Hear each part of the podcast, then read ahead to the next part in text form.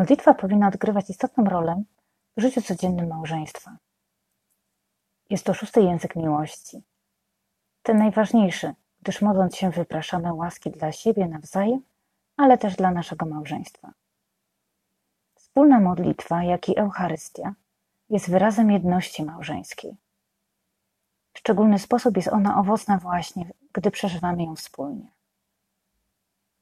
Małżeństwo powinno opierać się na fundamencie Bożej miłości oraz Bożych darów, które są przygotowane w sakramencie Komunii Świętej.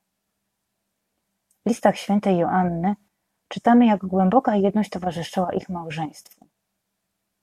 Podczas gdy Piotr udawał się do pracy, ona zanosiła w modlitwie swoją ofiarę i przedstawiała także troski Piotra, jego pracę i zmartwienia.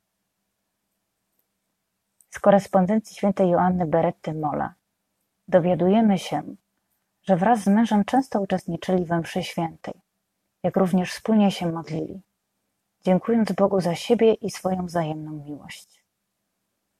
Wdzięczność wyrażona w modlitwie wypływała z ich serca i była źródłem ich szczęścia.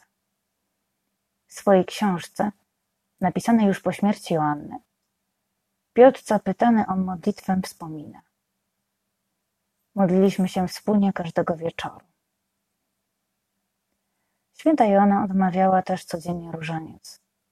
Jej mąż starał się jej towarzyszyć. Wielu świętych było rozmiłowanych w tej modlitwie.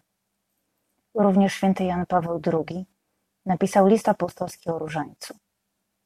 W liście tym podkreśla, że jest to modlitwa o wielkim znaczeniu, przynosząca owoce świętości. Poprzez tę modlitwę czerpiemy obfitość łask poprzez ręce Maryi. Jan Paweł II podkreśla, że modlitwa różańcowa jest dopełnieniem liturgii i dobrze w nią wprowadza. Pozwala przeżywać ją w pełni wewnętrznego uczestnictwa, a jednocześnie zbierać jej owoce w życiu codziennym. W swoim liście papież wskazuje na modlitwę różańcową jako modlitwę o pokój. Również ten w rodzinie. Ma ona zapobiegać zgubnym następstwom kryzysów. Małżeństwo, które jednoczy się wspólnie w modlitwie różańcowej, dzięki skierowaniu swojego wzroku na Jezusa, jest w stanie na nowo popatrzeć na siebie, z przebaczeniem czerpiąc z miłości Boga, która jest źródłem miłością małżeńskiej.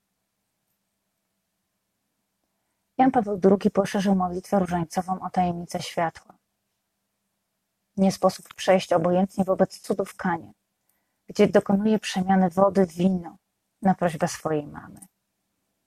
Nie mają wina, jak czytamy w księdze Seracha, symbolizuje wszelką radość, jaką człowiek może przeżywać na ziemi, a także przyjaźń i miłość. To owoc wspólnej pracy człowieka z Bożym błogosławieństwem.